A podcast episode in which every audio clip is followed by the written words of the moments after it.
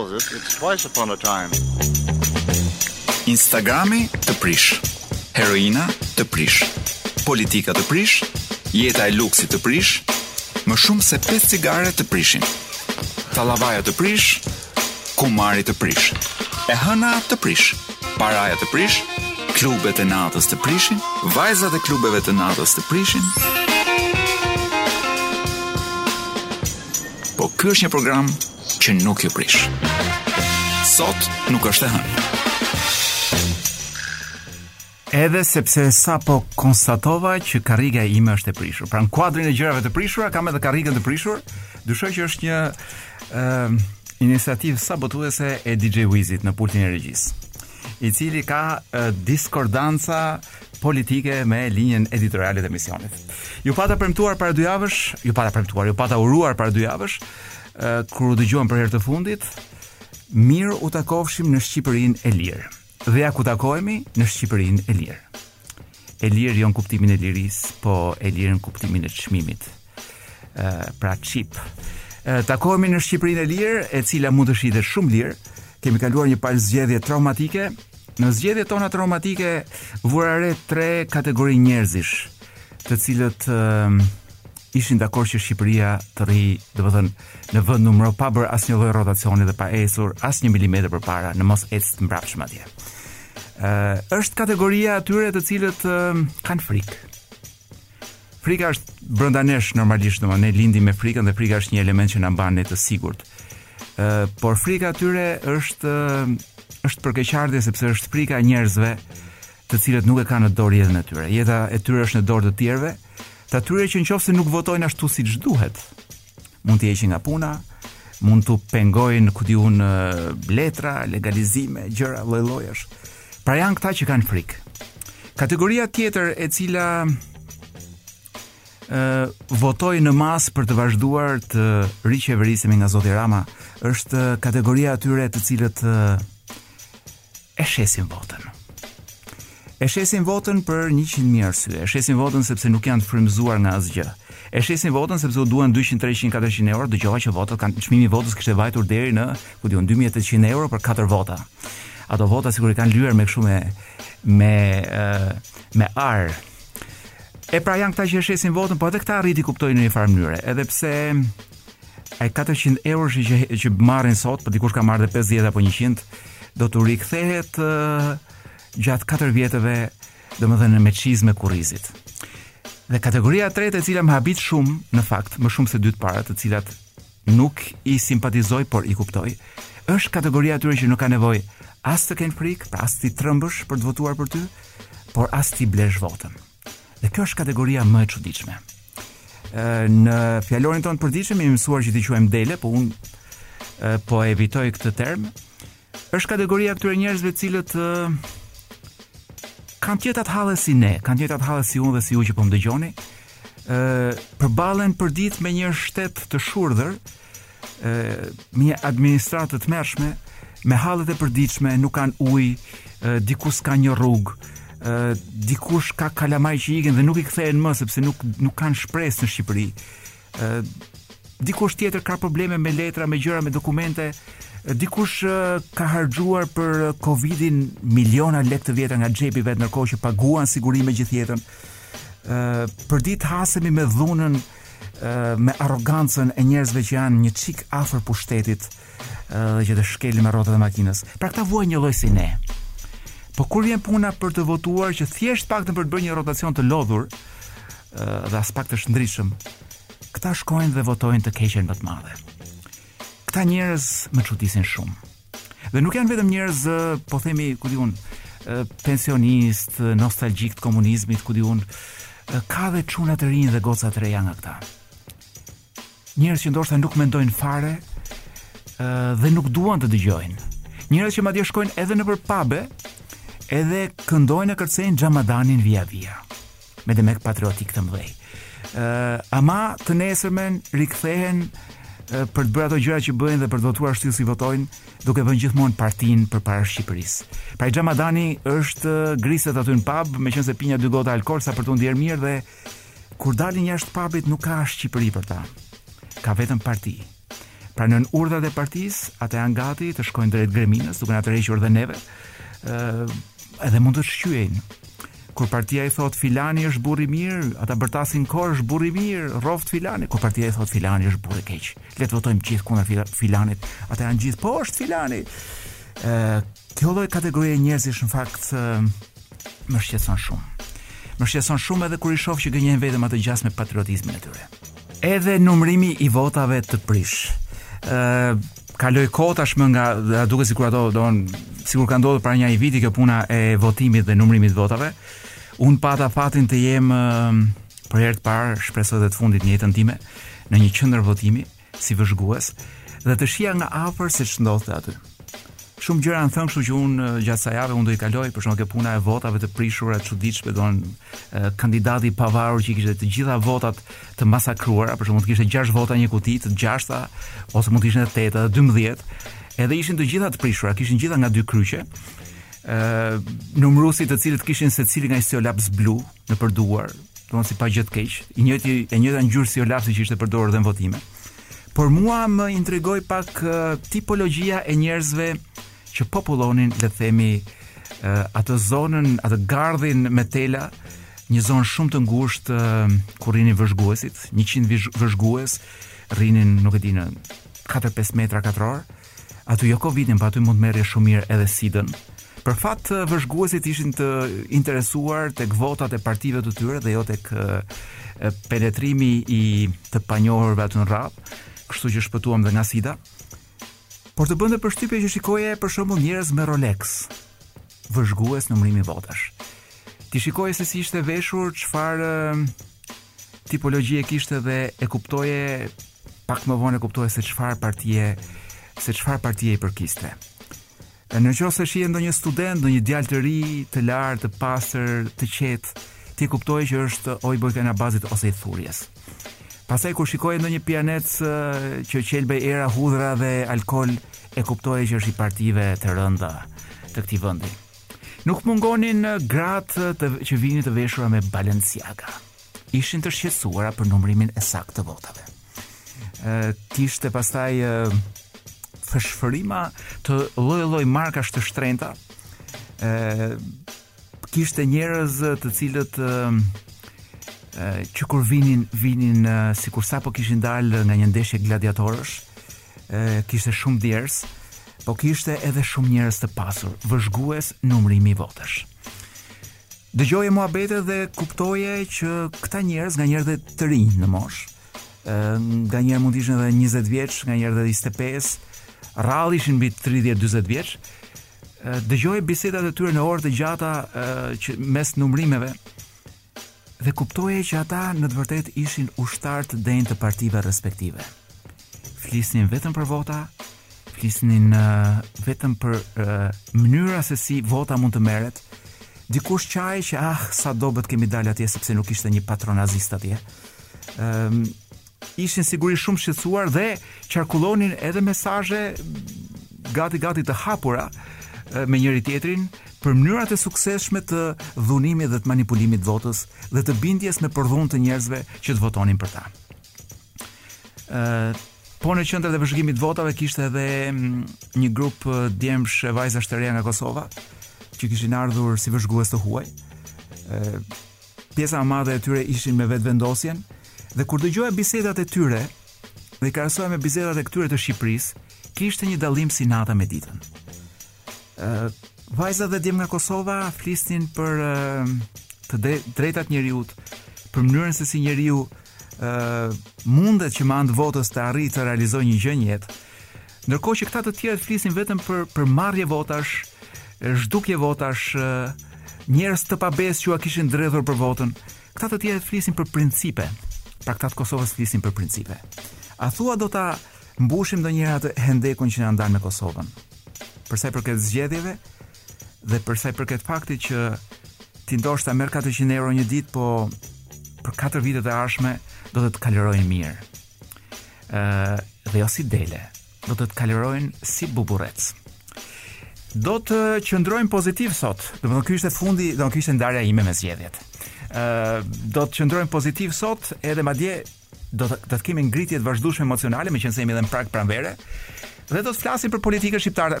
Atëherë çfarë kemi? Ë, do të bëjmë një eksplorim të shpejtë të një prej trendeve që unë e kam ë, parë me vëmendje edhe me thellësi së fundi, por që në botë ka kohë që do ka kohë që ë qarkullon madje ka marrë kohët e fundit edhe një lloj shtyse për përpjet.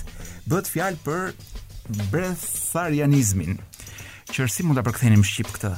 Ata ah që s'e kemi Edmond Tupen, ja për këtë rast duhet që ta kesh me vete. Breatharianizmi mund të jetë një gjë si ë frym Frymëmarrësia. Pra njerëz të cilët jetojnë vetëm duke marrë frymë. Tash ti do të thua që të gjithë marrin frymë. Jo, këta janë njerëz të cilët pretendojnë që nuk kanë nevojë për ushqim, nuk kanë nevojë as për po themi ujë dhe as ushqime.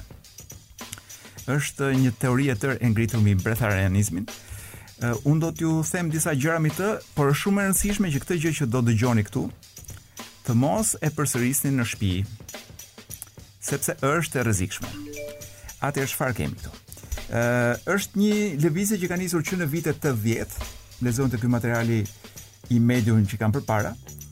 Ë uh, dhe shumë nga këta njerëz kanë thënë që don njerëzit që kanë ushtruar të parët uh, pretendonin që mund të jetonin me muaj madje edhe me vite pa futur as ushqim dhe as ujë në trup. Ë uh, domethënë gjëja quhet edhe Inedia, në qoftë se keni kuriozitet shkoni ta zbuloni nga ana shkencore. Dhe këta pretendojnë që vetëm duke konsumuar ajër edhe rreze dielli, se shumë e rëndësishme, mjafton të jetosh. Pra njeriut nuk i duhet ushqimi, por të gjithë energjinë që i duhet për të jetuar e merr vetëm nga ajri edhe nga drita e diellit. Ë ka disa persona që janë bërë personazhe nga këta bretharianistët. Ë sidomos ai pari prej tyre njëfarë Wiley Brooks, e, i cili mbasi predikonte vazhdimisht nëpër televizione, nëpër konferenca se si të jetosh pa ngrënë dhe pa pirë ujë, në mënyrë shumë shëndetshme, befas u kap në flagrancë duke ngrënë, po jo duke ngrënë, po duke ngrënë nga këto ushqime shu, nga këto plehra të fast food që quhen junk food, ku di unë se ç'hante Cheeseburgera nuk e di se çfarë. Dhe kur e kapën në flagrancë dhe ia botuan fotot nëpër gazeta, ai vendosi të thoshte që ë një herë në vit ose një herë në dy vjet mund të hash cheeseburger, thoshte sepse ka disa uh, cilësi 5D. Prandaj është mirë që njeriu herë mas here të fusi një cheeseburger sipas këtij. Ë njerëz që jetojnë vetëm me me ajër. Problemi i kësaj lloj teorie që mua më duket shumë e bukur në fakt, sepse me këtë rast do të paktën do shpëtonim sa orë harxhon DJ Wizi duke ngrënë në ditë, do thoni ju. Nuk e them dot, se është informacion shumë sekret, po kalon të paktën 2 orë duke ngrënë gjatë gjithë ditës. Por dhe kur nuk është duke ngrënë, është duke menduar për të ngrënit. Për shembull, tashi që unë flas për ushqim dhe për cheeseburger, Ai ka një fije jargë që i rrjedh këtu te cepi i buzës, domethënë, ngaqë i ha shumë ky cheeseburgeri për të cilin po flasim. Imagjino sa kohë do, shpe, do të kursenim në qoftë se do të ishim nga këta bretharianistët. Por, problemi është që duke ndjekur këtë lloj sporti, ka njerëz që edhe kanë vdekur. Pra janë, e, praktikisht kanë sharruar kur thuhet nga uria. Ka disa të tillë. Personazhi më problematik është një tip nga Amerika i cili botonte edhe libra dhe kur e morën për të bërë një dokumentar me të, nuk arriti të rezistonte as 4-5 ditë dhe u bë për spital kur thuhet. Megjithatë, kjo lloj rryme vazhdon të jetë akoma shumë e fuqishme, sepse njerëzit mezi po presin që të që të bojkotojnë çfarëdo lloj firme ushqimore dhe të distribucionit të ujit. Imagjinoni çfarë çlirimi do të kishte bota në qoftë se kjo gjë do ishte vërtet. Ë miliarda lopë në botë do ishin të lira, do të jetonin vetëm për të bërë ku di unë dashuri me demat e tyre dhe jo për t'u prerë dhe për t'u çuar nëpër thertore. Ë miliarda viça do shpëtonin, pra nuk do ishin bebe që do thereshin, por do ishin ku di unë kafshë të lira që do që do vdisnin në pleqëri duke lexuar ku di unë. Ë Ku çfarë mund të lexojë një plak gazetën Dita ndoshta. Ose duke lexuar gazetën Dita. Pra do ishte një botë komplet tjetër, por që për momentin jemi detyruar që herë pas here edhe të hamë. Teoria është e paprovuar, edhe një herë po ju them mos e përsëritni në shtëpi. Ë është një grup mix kjo vajza lider që ka një emër shumë të bukur quhet Sol. Ja t'ju lexoj unë se çfarë sa shumë ë instrumenteve di t'i bjeri, pra, kjo Soli. Uh, atëherë, ajo i bie, njëra nga këto vajzat, i bie baterive, trumpetës, basit, kitarës, perkusionit, uh, ukuleles, domrës që nuk e di se çfarë është, banjos, balalajkës, ziterit, harpës, uh, flautit, akordionit, pianos, uh, harmonikës, edhe edhe edhe jo dajres, por mandolinës. Pra imagjino, kjo vajza është një grup pothuajse i panjohur, ëh, për të mos thënë fare i panjohur, tashmë një grup i ndarë, secila për rrugën e vet dhe i bie kaq shumë instrumentave. Ju lutem shumë mos ja thoni Dhurata Dorës këtë gjë. Mund t'i bjerë të fikët. Kur të marrë vesh që një artiste tjetër e nivelit të saj i bika 15 instrumentave. Ndërkohë që bën dhe punon në zhanrin folk, rock, pop, bluegrass, klasik, blues, soul, country, tribal etj etj, elektronika. Kjo ishte thjesht sa për t'ju thënë se ç'është një artist i vërtet, pra çfarë duhet për t'u bërë artist në, po themi Norvegji. Dhe çfarë duhet për t'u bërë artiste në Shqipëri? Mm. Opa, sapo e dhatë të gjithë nga një përgjigje. Të gjitha përgjigjet tuaja janë të vlefshme. Do të kalojmë në një moment dramatik. Duke shëtitur nëpër eh, Reddit, hasa në këtë video e cila më rrëqethi. Apo siç do thoshin këta votuesit eh, e partisë që më rrënqethi. e dëgjojmë bashkë. Ilirjan Suli, shtangisti shqiptar i shpallur nënkampion i Europës në Sofi, ka mbërritur sot në aeroportin e Rinasit me një medalje argjendi dhe dy medalje bronzi. Peshkrici jo, tjetër shqiptar Ilir jo, Kaparani, u do një sekond mbaje. Mbaje shofer, mbaje, mbaje autobuzin. Do dëgjojmë këtë video më parë. Këtë më fal këtë audio që kemi shkëputur nga video. Më bën përshtypje se s'dihet nga mirë akoma. Kjo vajza ka kapur një njeri rrugës për të intervistuar. Më fal një? Një se të thamë. Po ne mirë të ikim nga Shqipëria, dëgjoni mua. Të ikim, po ku të ikim? A di kush jam unë që po e them? Hmm. Ilir Suli, Mjeshtër i Madh i Punës nga presidenti, ish nënkampion i botës në shtangë. Pasi lashë sportin, më lanë pa punë. Nuk i duan njerëzit që punojnë këta. Këta duan vetëm, s'po ja them mirë. Ma thua që duan? Ikni nga ky vënd, kjo ka ngelur vetëm. Pra, Ilirian Suli, unë e kisha humbur nga memoria në fakt, kjo vajza që mblidhte Vox Populi në rrugë e ka kapur rastësisht, sigurisht që pa njohur një njeri më se i zakonshëm, madje do thosha fare i rëndomtë për fat të keq, ë dhe nënkampion bote. Tani e dëgjojmë një lajm ë të që fliste për Ilir Sulin para 10-11 vjetësh kur ai kur ai dilte nënkampion bote. Ilirian Suli, shtangisti shqiptar i shpallur nënkampion i Europës në Sofje, ka mbërritur sot në aeroportin e Rinasit me një medalje argjendi dhe dy medalje bronzi. Peshëngritësi tjetër shqiptar, Ilir Kafarani, u rendit në vendin e gjashtë në këtë europian. Dyshja e peshëngritësve shqiptarë, Suli Kafarani, pretendon rezultate më të larta në Olimpiadën e Sidnejit. Po ishte një garë shumë shumë e vështirë, siç e ndoqët besoj edhe te Eurosporti. Kisha Të shumë kundërshtarë ishin pothuajse tetë kundërshtarë që nuk dihej kush do të dilte kampion. Kishim bërë stërvitje, vlerësova, si thonë një shprehje çfarë do Ai është i njëjti njeri por në dy kohë të ndryshme. Çfarë pretendoni tani në vend të Ai që dëgjuam që parë dhe ky që po dëgjoj tani. Dhe për Lojrat Olimpike të Sidnejit, të thyej një rekord bote që e kam, mendoj se kam të mundshëm dhe të marr medalje ari, të këndoj hymnin. Çka ambicie s'kishte në atë kohë ky njeri. Ministri i Kulturës dhe i Sportit Edi Rama tha se peshëngritja do të mbështetet nga shteti për të arritur rezultate më të larta. Kushtet e tyre janë në përmirësim të vazhdueshëm edhe rezultatet kanë të bëjnë pikërisht edhe me përmirësimin e kushteve. Më konkretisht cilat kushte? Po megjithatë ata mund të flasin vetë, nuk është rasti as për të bërë propagandë, as për të shfrytëzuar imazhin e tyre për veten tonë. Ne jemi thjesht në shërbim të tyre. Pra ishte ministri i Kulturës në atë kohë ishte në shërbim të tyre. Ndërkohë që në në audion që dëgjuam pak më parë, dëgjuam nga vetë goja e Ilir Sulit, ish nënkampionit të botës dhe të Evropës, dëgjuam që është pa punë, i lënë në fatin e tij, pa asnjë lloj projekti dhe mbi të gjitha ë uh, ky një ish krenari i Shqipërisë, domethënë i lënë një si një copë leckë rrugëve. Dhe këtu vjen puna për të pyetur veten, po mirë ne që shanim atë Pirro Dhimën. A mos vallë kemi qenë gjithë budallenj dhe Pirro Dhima ishte më i zgjuar nga gjithë ne?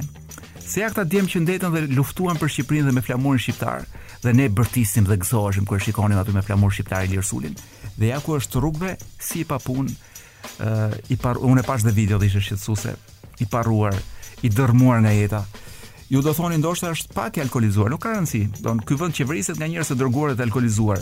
Po për kampionët e dikurshëm nuk ka nuk ka vend. Sepse, siç e thoshte vetë Ilir Suli, Këta nuk e duan njeriun që punon. Dhe kur tha këta, ju kuptoni se për kë e kishte fjalën.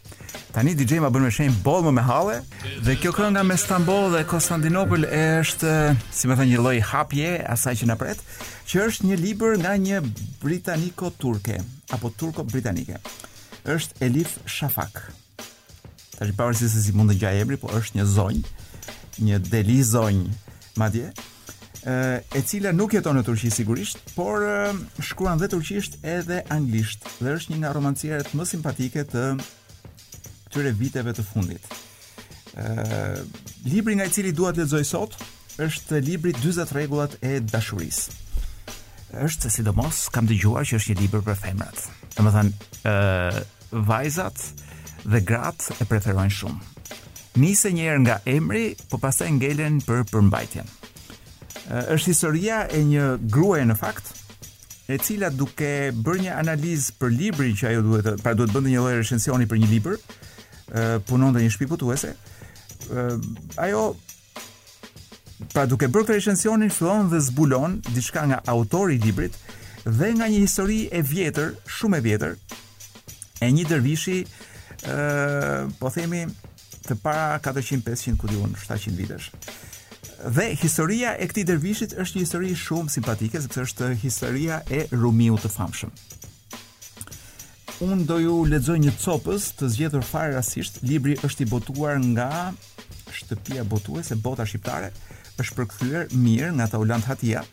Në qoftë në qoftë se ju futeni tek Bukinist pikë al, ju mund ta merrni këtë libër sot me ulje. Dhe jo vetëm këtë, por edhe nga librat e tjerë të autores Elif Shafak, ju mund t'i merrni me ulje. I pari madje e merr falas. Për informacione më të mëtejshme shikoni rrjetet tona sociale. Atëherë, shpejt e shpejt sepse DJ më ka dhënë vetëm ku di unë, ja 1 minutë kohë. Sa minuta më ke dhënë? 1 minutë e gjysëm.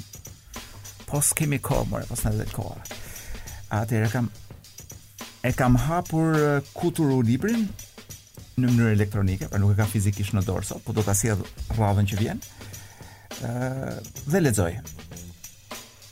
Shamsi heshti dhe priti derisa mjeshtri ndezi llampën me vaj. Pastaj vazhdoi.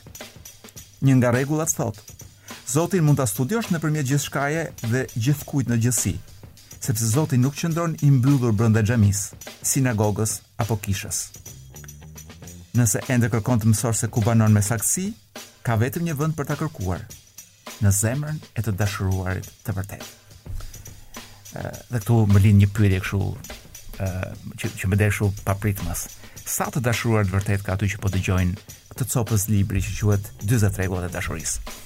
Të ngrej dorën kush është gjitha opa DJ Wizi i uli të dyja duar dhe i fut fort në xhepa, se e ka për turp që të thot që thot që është i dashuruar.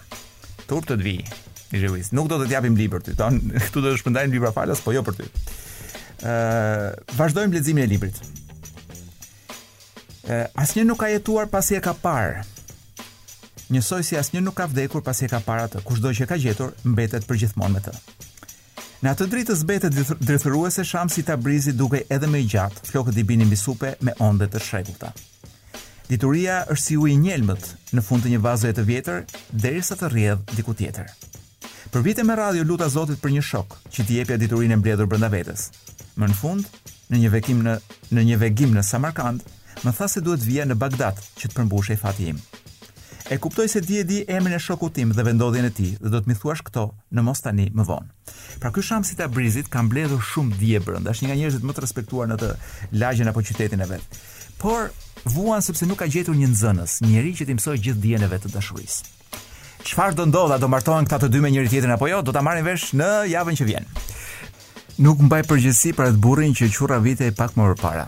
Ma kanë futur kontrabandë atë personin tek Disc of the Day. Ju po dëgjoni sot nuk është e hënë, kjo është Top Albania Radio dhe ky është momenti i lajmeve soft. Lajme soft me ë në fund, janë lajme jo shumë të rënda. që vijnë nga java që kaloi. Atëherë çfarë kemi këtu? Gjëja që është më duket një gjë shumë pozitive si lajm, ë ka të bëjë me We Transfer. We Transfer për ata që nuk e njohin është një website i cili të ndërmon, të ndihmon të dërgosh file me masë të madhe, pra t'ia dërgosh dikujt me email. Dhe po marr vesh që WeTransfer paska mbështetur kauzën e lumit Vjosë. Dhe për ca ditë kur ti hapje WeTransferin për të dërguar një po themi një file, aty hapej edhe një një reklamë që thoshte të mbështet të mbrojmë lumin e parë të egër në Europë, që është Vjosa. e cila nuk do jetë më aq e egër sepse kjo qeveri do t'ia zbusi mirë kurrizin. Lum i poshtër. Lumë reaksionar, siç tha kryeministri. Dhe për të qenë i sinqert, në qoftë se nuk e mbështet, okay, jam shumë i lumtur që We Transfer e ka mbështetur kauzën e Vjosës, por po nuk e mbështeti edhe Pornhub-i, unë e qava Vjosën. Nuk besoj se ka shpëtim. Lajm tjetër, nuk e di pse Florenci, kolegu që më ndihmon me lajmet e ka konsideruar si lajm simpatik, Roz, ë, është për njërin që tentoi të digjte kutitë e votimit në fshatin e Libofshës. E para më habit fakti që quhet fshati i Libofshës, unë e dija principatë të Libofshës atë dhe nuk kam shkuar prej vitesh sepse kam kujtuar që për aty duhet vizë. Ose duhet vizë ose ndoshta mund të hysh vetëm kështu me rrobat ë, që të ka bërë nëna kur të ka lindur. Qenka arrestuar dhe me burg 37 vjeçari, U paska thënë në gjykatë, djalli do ju rrëmbejë, jeni organizatë mafioze. Nuk më duket fare ë ky njeriu se po hap lajmin. Thuhet që është me të meta mendore, për mua nuk më duket fare me të meta mendore. Njeri që thotë ju jeni organizatë mafioze dhe ia thotë policisë. Nuk më duket se ka probleme me ë me mendjen e vet. Tek pjesa djalli do ju rrëmbejë, atëherë i bie që të fusin të gjitha gjyshet tona nëpër burgje. të shohim ç'ka ndodhur. Ah, paska ndodhur kjo që ditën e zgjedhjeve ky 37 vjeçari me një shishe molotovi thuhet në dorë. Jam kurioz të di nëse policia shqiptare e di vërtet se ç'është një shishe molotovi. Uh, paska bërë thirrje për të djegur kutitë e votimit dhe pastaj i paskan kapur nëpër xhepa armë të rënda.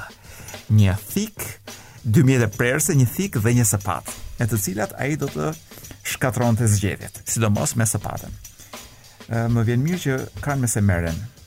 A, po, gjyqtarja paska thënë që ka të meta mendore dhe për momentin po e mbajnë në ambientet e paraburgimit në Fier, ku edhe sikur të hysh normal të nxjerrin me të meta mendore që andej. Imagjino ti po të hysh me pak probleme se ç'ndodh në qelitë tona të paraburgimit. Tjetër, njihuni me bosin e drogës ë në Shtetet e Bashkuara i arrestuar nga DEA. Në Shqipëri Ky paskësh qenë një pronar i një miniere në Selenicë, paska krijuar nëndetëse për të trafikuar kokainë në Europë. Ç'të them, do ky njeriu është Da Vinci shqiptar. Domethënë nëndetëse, minierë në Selenicë. Imagjino të pikturonte edhe edhe ku di unë ndonjë ndonjë zonjë selenicote, edhe ky do ishte realisht Leonardo da Vinci, shqiptar i rimishëruar. Një stërvitje më, stërvitja më e madhe ushtarake në historinë e Shqipërisë paska nisur dhe në Durrës ka ani, ka mbërritur anija e parë me pajisjet ushtarake, domethënë me e, raketat e pingpongut. Stërvitja më e madhe ushtarake. Me demek ia futka edhe asaj Skënderbeut, stërvitjes ushtarake që bënte Skënderbeu me thyerje dore dikur. Administrata mbizotërohet nga gratë është një lajm tjetër, Mosha mesatare e nëpunësit civil është 41 vjeç. Unë kam shumë besim për të gjitha ato administrata që administrohen nga gratë. Por unë nuk kam besim tek burrat e këtyre grave. Ky është problemi im. Dhe që ata nuk do rrinë pa u ngatërruar në punët e grave të tyre, duke na shkatërruar këtë administratë të mbizotëruar nga gratë. Vuçiç paska bërë një batutë për Kosovën në Netflix. Ç'u duhet OKB-ja dhe Interpoli thotë shikoni filma gjithçka në rregull. Nuk kam ç'ti shtoj se batuta është brenda. Ë burri në Elbasan paska thënë do hidhem, do vdes për partinë. Ë për kë, për cilën parti jam shumë kurioz, don kë do të prekin në sedër, zotin Rama apo zotin Luli?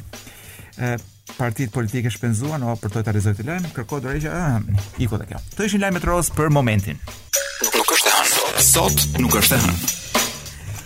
Sot jo vetëm që nuk është e hënë, por sot është një ditë e jashtëzakonshme. Ë për të gjithë ata që janë kuriozë për të ditur Sa lloje penisi qarkullojnë sot në botë? I pari që i shkëlqejnë sytë është DJ Wizi. Por nuk është akoma momenti, por do flasim në një moment gjatë kësaj gjatë këtyre 40 minutave të fundit që na kanë mbetur, do të flasim edhe për llojet e penisit, sepse më duket një temë me shumë rëndësi. Sidomos për ata të cilët nuk janë shumë të sigurt nëse kanë formën e duhur për masat e duhura, Dhe gjithmonë vuajnë nga ideja si do u dukem e, vajzave që arrijnë të më shohin lakuriq. Edhe pse ti mund të vraposh, po femrat seç kanë një mënyrë për të të parë kështu për të të peshuar, po themi edhe pa u zhveshur fare. Sado të mçifesh, sado të fryhesh dhe sado të bësh sikur, ku di unë. Atëherë, por do rrim gjithmonë duke e mbajtur pak në sfond këtë pjesën e penisit, do të flasim për Steven Steven Seagal. Uh, Steven Seagal është një nga besoj që u kujtohet, është një aktor filmash filmash aksion shumë i famshëm. Sidomos gjatë viteve 90 kishte edhe më kujtohet që kishte edhe pleq në moshë goxha të thyer, kur ti pret që ata të shohin Ambra Angiolini ose adoleshente, jo, ata kishin dëshirë të shihnin Steven Seagal. 75 vjeç, më kujtohet njëri thoshte, kthejeni çik se është ai tipi me bisht, sepse Steven Seagal kishte edhe një një lloj bishti, uh, ponytail siç i thonë këta, një bisht kali, flokët, Po që është nga ai lloji i bishtit kali që bajnë këta baballarët e divorcuar dhe që duan të duken trendi. Po gjithmonë kuptohet, i kupton që 1 kilometër larg që janë baballarë, pra që kanë fëmijë, por edhe që janë të divorcuar. Pra dy drama të mëdhaja dhe që s'afrohet njeri, se kush e do një baba të divorcuar, po le të kthehemi te kjo çështja pse Steven Seagal, dhe kjo është një pyetje që më ka munduar prej shumë kohësh, pse Steven Seagal ishte aq i famshëm. sepse mua asnjë nga filmat e tij nuk nuk më ka pëlqyer, nuk më ka nuk, nuk më ka dhënë asnjë lloj gjëje. U futa për të parë për të dhe më rezulton që është shumë i famshëm dhe në një periudhë kohe filmat e tij shisnin shumë, pra bënin shumë para. Ë, uh, madje një nga filmat që është nga më të hershmit e tij, uh, i 1990-s, një Hard to Kill, titullohej, ka qenë shumë i famshëm dhe ka bërë shumë para. Ë, uh, Unë e, e u përpoqa ta shoh sigurisht jo duke mos mundur ta shoh deri në fund këtë Hard to Kill për të kuptuar çfarë ka aty brenda. Ëm dhe dhe nuk arrija prap ta kuptoja se çfarë ka ky Steven Seagal që ishte aq i famshëm. E për shembull, për ata që ndoshta nuk e kanë shumë parasysh, ky ishte një një aktor pra një hero, herë polic herë jo, por zakonisht ishte njeriu i cili luftonte sistemin dhe atë deep state-in që quhet, pra ato po themi atë organizatën e keqe underground që menaxhon shtetet apo Shtetet e Bashkuara të Amerikës, Dhe ky i vetëm luftonte kundër gjithë këtyre organizatave. Nuk i lëvizte asnjë cep i buzës. Pra edhe kur i thyente qafën ndonjërit ose kur i thyente ndonjë kockë ndonjërit, nuk i lëvizte as edhe një muskul. Pra nuk derdhte as edhe një pikë djersë. Nuk kam parë njeri që të thyejë aq shumë kocka sa ç'ka thyer Steven Seagal, pa derdhur as edhe një pikë djersë. Për shembull te ky filmi e, që po them unë Hard to Kill i 1990-ës, Ky për një një orë 40 minuta vetëm ecën futet diku thyen kocka, thyen këmbën, thyen qafën, thyen krahun dikujt, i hedh të gjithë për tokë. Ë ka edhe gjë të bukur ky film, ka dy femra, dy zonjusha, sigurisht të dyja kanë bëjnë seks me këtë Steven Seagalin, por është një moment ku njëra nga këto që është infermiere dhe Steven Seagal është si në koma ashtu, diçka, Ajo ngre pak çarçafin dhe sheh poshtë, domethënë këtë njeriun, këtë burrin në koma, dhe llahtariset nga ajo gjë e madhe që shef atje poshtë. Pra, jepet imagjinata që ky është jo vetëm i fortë për të thyer kocka, por ky është ka dhe ka dhe cilësi të tjera. Ë shumë i famshëm vitet 90 Steven Seagal, Ë, por me një famë që nuk është shuar sepse po lexoj këtu, hapa një informacion për të. Dhe po lexoj që ky paska pasur dhe një reality show të vetin për nja 5 apo 6 vjet. Steven Seagal Lawman, pra një TV show komplet të vetin. Ndërkohë që ai është nja 70 vjeç tani, para pak muajsh doli edhe në TikTok um, një video e vogël aty që tregonte se si Steven Seagal në këtë moshë të thyer rrihte një çun të vogël. Pra ishte një si biçim shfaqje aikido, se këtij sportit e, e, marcial që ushtron ky dhe ka dhe rrip të zi më duket. Ndeshja zhvillohej në Rusi, ku Steven Seagal ka vajtur për të shmangur taksave dhe e bëri atë të voglin e lodhi e bëri e sakatoi dhe dukej ishte aq e lexueshme që ishte e gjitha koreografi. Pra ishte e gjitha e parapërgatitur Ai i vogli që binte në tokë pa i ardhur grushti akoma, ç'tju them. Ë një hero i jashtëzakonshëm, me atë mjekrën e vet, me ato flokët e veta.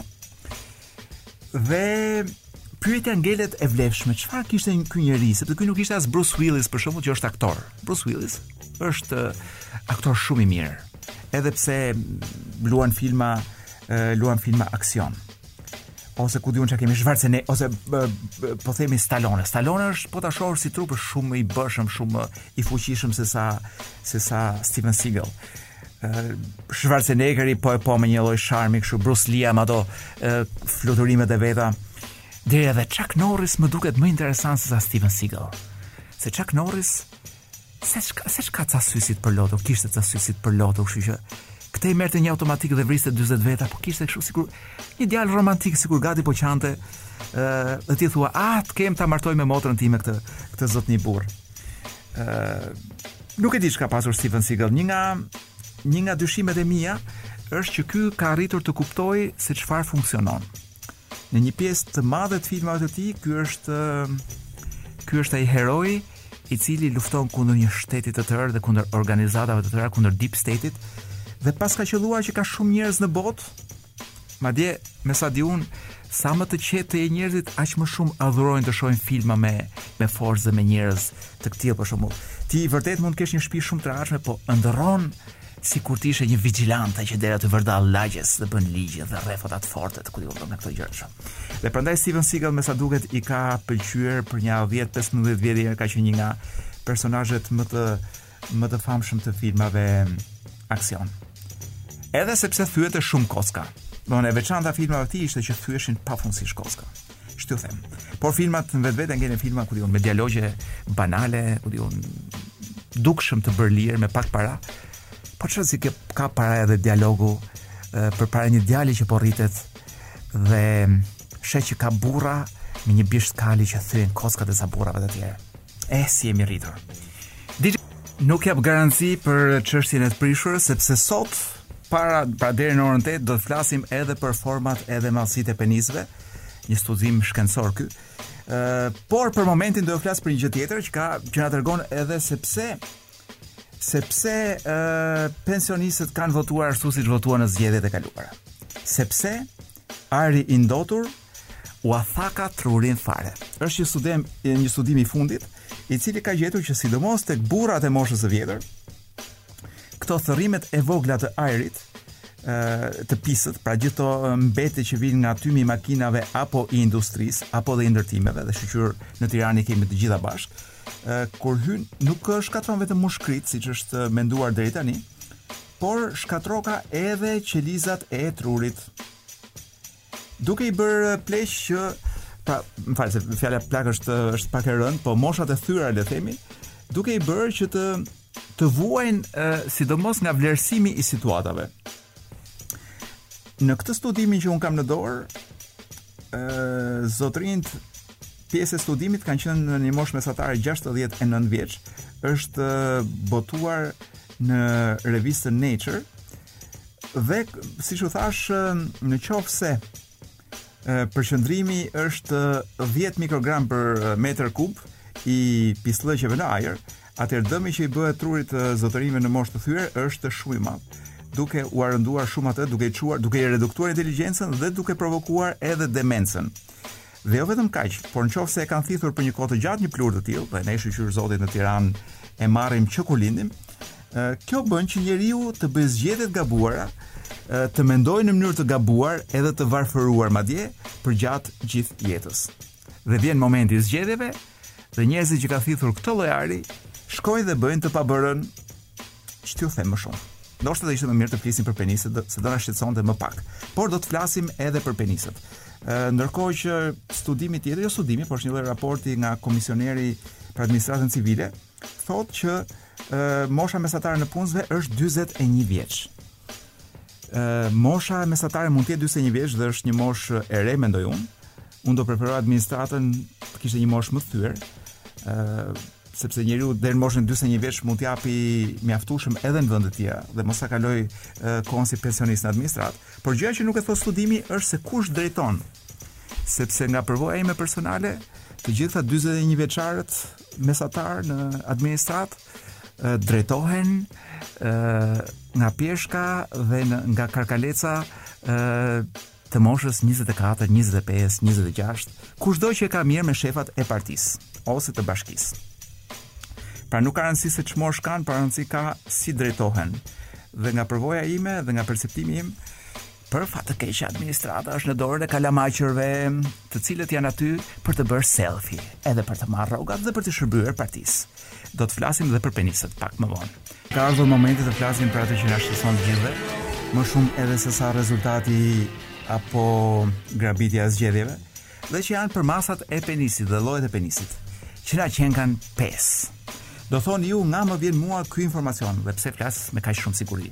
A kam pasur unë fatin të bëj një studim kaq të madh dhe të gjerë me masa, përmasa penisësh? Sigurisht që jo. Sepse nuk jam unë një nga këta njerëz me kaq fat. Por e ka bërë një zonjë grua që quhet Megan uh, diçka e cila jo vetëm që ka bërë një studim, por uh, për ta ilustruar në këtë artikullin që kam përpara, llojet e penisëve ka marrë një franxhollë të madh dhe e mban te njëra dorë. Pra ka marrë objekte që tregojnë llojet e penisëve sipas kësaj. Pastaj ka marrë një patëllxhan të zi të hollë dhe të gjatë. Pastaj ka marrë një kungull të trashë me ngjyrë jeshile. Po besoj ngjyra nuk ka të bëjë këtu. Një kungull të trashë dhe relativisht të shkurtër. Pastaj ka marrë dhe një salçiçe të përdredhur me ngjyrë të kuqe. Këtu mbase ka të bëjë dhe ngjyra. Ë, por ja se thotë, përveç se zonja thotë që nga përvoja e saj, sepse është një nga këto studiueset e seksit, nga përvoja e saj nuk ka rëndësi përmasa, por rëndësi ka, si me thënë, përdorimi. ë Por ajo e përshkruan me, siç thashë, me pesë po themi përmasa përgjithësuese. E para dhe po i rreshtoj gjitha siç i ka rreshtuar ajo. ë Kur penisi është i shkurtër dhe i hollë, thotë. Kjo thotë që kjo jep edhe këshilla praktike që unë s'kam plan t'i jap, por në qoftë se ju jeni miq me DJ Wizin, unë mund t'ia kaloj materialin didaktik atij dhe ai t'jua shpërndajë juve. Ëm uh, ajo jep shpresë për të gjithë dhe thotë çfarëdo lloj penisi që të keni mund ta përdorni shumë mirë. ë tregon edhe edhe pozicionin që nuk duhen. Qenka dhe një model tjetër që quhet i gjatë dhe i hollë. ë modeli tjetër është i shkurtër dhe i trash. ë sipas kësaj, trashësia nganjëherë është një gjë me vlerë, thotë. Por ka raste të tjera kur trashësia është gati gati një mallkim. Ë dhe sipas kësaj seksin më të mirë që kam pasur në jetën time, kam pasur me një burrë thot, i cili kishte një penis shumë të shkurtër por shumë të trashë. Gati gati si ai DJ Wiz, e ke parë atë atë si quhet ai, atë kubin që bënim ne me ngjyra, pak a shumë i tillë ishte edhe edhe penisi në fjalë, për të cilin po flasim. Është dhe versioni që është i gjatë dhe i trash. Ka njerëz thot që nuk e preferojnë, por prapë edhe kjo nuk ka shumë rëndësi, rëndësi ka sa di ta përdorësh dhe këtu po ndalem tek lloji i fundi që është më interesante nga të gjithë. Ë që kjo i thotë i përdredhuri. Sapo sh shkaktova shok të pari kthyeshëm tek DJ Wizi, i cili nuk e kishte imagjinuar që mund të ketë edhe të përdredhur. Uh, Atër, po ju lexoj nga artikulli.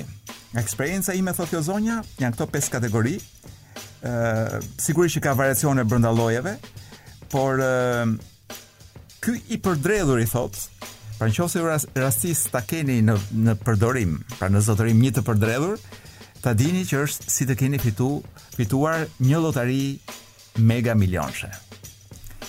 Sepse me sa duket, ky i përdredhuri nuk ka nevojë as për shumë sforcë se e bëka gjithë punën vetë. Është si ta kesh gjysmë automatik, si me thënë.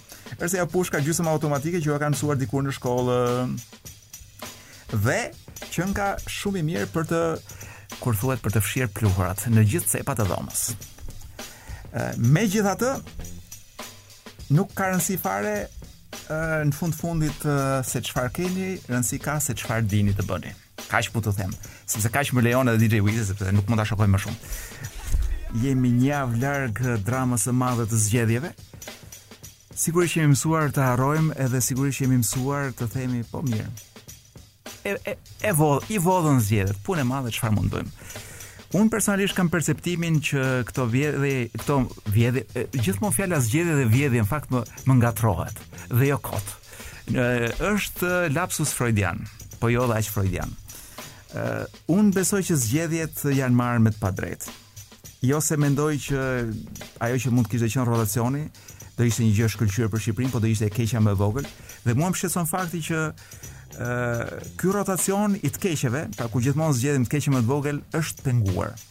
Është penguar ku duke blerë, ky është perceptimi im dhe logjika ime, po edhe shumë njerëzve si puna ime me cilët flas për ditë. Ë por gjëja që më shqetëson shumë është që na është kthyer si normale. Vjen dhe një paszgjedhje, ngremë duart lart dhe vazhdojmë jetën. Ndoshta mund shpresojmë që në zgjedhjet e ardhshme nuk do vidhemi kaq kollaj. Nuk e di, unë për vete nuk do doja dorëzohesha, por uh, ne si popull në fakt duket sikur jemi dorëzuar. Kështu që nuk do ta mbyll sot me analizat e mia, po do ta mbyll me një Migjen të vogël. Sepse më duket emocioni që i vjen më afër asaj që unë ndjej në lidhje me këto zgjedhje dhe me atë që ka ndodhur. Në vendin tonë kudo valojnë flamujt e një melankolie të trishtueshme. Dhe askush s'mund të thotë se këtu rron një popull që ndërton diçka të re. Aty këtu, në hijet e flamujve mund shihet një mund, një përpjekje e madhe për mbivdekje, për të pjellë diçka të madhe, për të qitë në dritë një xhind. Por, o ironi, nga ajo përpjekje lind vetëm një mi. Dhe kështu kjo komedi na plas dellin e gazit, nsa prej marazit pëllcasim. Në prakun e çdo banese ku ka ndonjë shenjë jetese, valon nga një flamur melankolie të, të trishtueshme. Këta që vijnë tani janë Miley Cyrus dhe Billy Idol, po me këta do ta hapim edhe javën tjetër këtë program. Ju uroj eh, fat, aq sa mund të kesh fat në këtë vend dhe natën e mirë.